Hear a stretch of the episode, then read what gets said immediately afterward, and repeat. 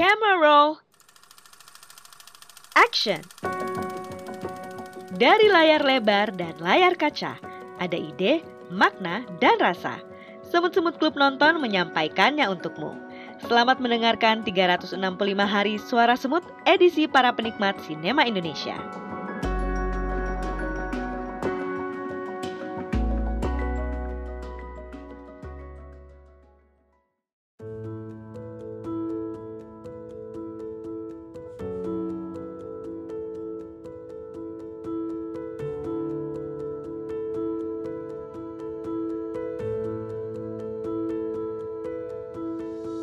Selamat datang di Siniar Semut Merah Kaizen.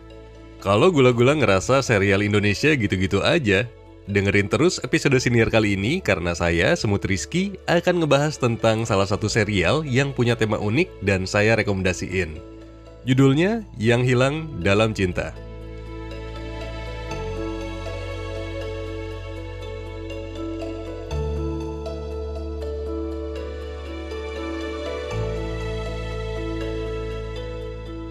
Serial ini tayang di Disney Plus Hotstar tahun 2022 dan dibintangin sama Dion Wiyoko, Sheila Dara Aisyah, Reza Rahadian, dan disutradarai oleh Yandi Lawrence. Yang mungkin gula-gula pernah nonton web seriesnya di Youtube, di antaranya Sore, Istri dari Masa Depan, Mengakhiri Cinta dalam tiga episode, dan Perjalanan Terbaik Sepanjang Masa. Kali ini saya akan ngulas tentang 7 hal menarik dari Yang Hilang Dalam Cinta. Semoga bisa membuat gula-gula penasaran dengan serialnya. Kita mulai dari yang pertama. Dari sisi ide cerita, menurut saya fresh dan bukan sekedar drama. Nggak sampai fiksi ilmiah sih, tapi lebih ke drama fantasi. Bayangin aja, kadang kita suka ada di kondisi yang rendah banget sampai suka bilang, andai bisa ngilang dari dunia ini. Nah, sama Yandi Lawrence, konsep ini benar-benar diangkat jadi salah satu temanya. Jadi ketika tokoh utamanya, Dara Santini yang diperankan oleh Sheila Dara Aisyah berada di titik terendah, dia benar-benar hilang. Gak ada yang bisa ngeliat kecuali Satria Satya Wiguna yang diperankan sama Dion Wiyoko. Gak ada yang tahu tuh kenapa bisa kayak gini, termasuk Dara dan Satria juga. Dan ini jadi salah satu misteri yang pelan-pelan kejawab seiring dengan cerita. Yang kedua, pemeran pendukung yang pas dengan karakter dalam cerita.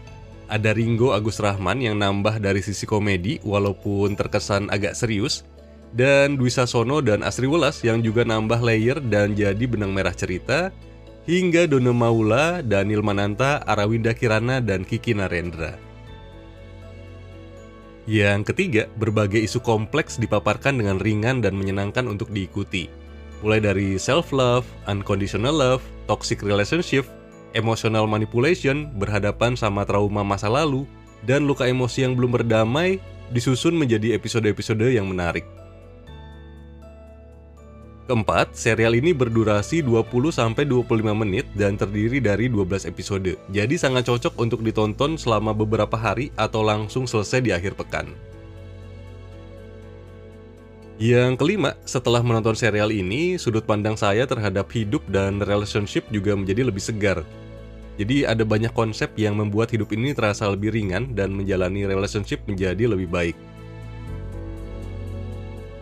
Keenam, unconditional love dengan mengambil analogi animal wisdom diangkat dan disajikan dengan baik. Ada scene yang menarik, jadi konteksnya ini di animal shelter ada salah satu anjing yang baru meninggal, dialognya kira-kira gini. Ini kalau setiap ada yang meninggal, lo berdua kayak gini, apa nggak menderita? Lu kan punya 800-an ekor, bakalan 800-an kali berduka loh. Ya gimana, udah kita anggap anak sendiri. Waktu pertama ingin ngebuka shelter ini, persis saya dan Rahayu bahas. Ya kalau dipikir kita akan berduka setiap ditinggal, rasanya nggak berani juga ya. Tapi kan itu yang kita rasain. Kalau yang anak-anak rasain justru kebalikannya. Mereka meninggal dengan damai karena di akhir hidupnya bertemu dengan orang-orang yang sangat sayang sama mereka, banyak temen, bisa main, makanan cukup. Ya kalau berduka hatinya sakit, tapi mereka meninggal dengan bahagia.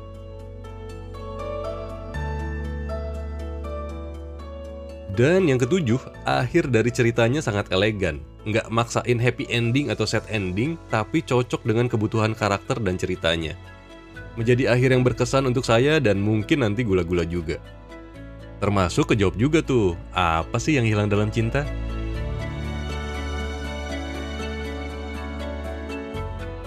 Ada banyak representasi yang saya dapat setelah menonton serial yang hilang dalam cinta secara utuh.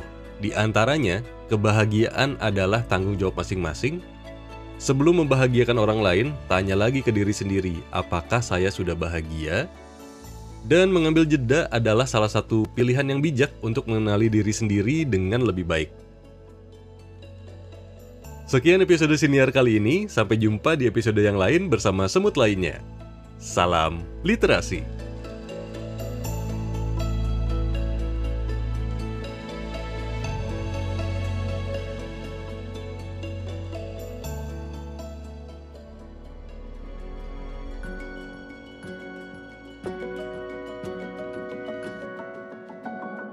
Terima kasih sudah menyimak episode dari Klub Nonton SMK.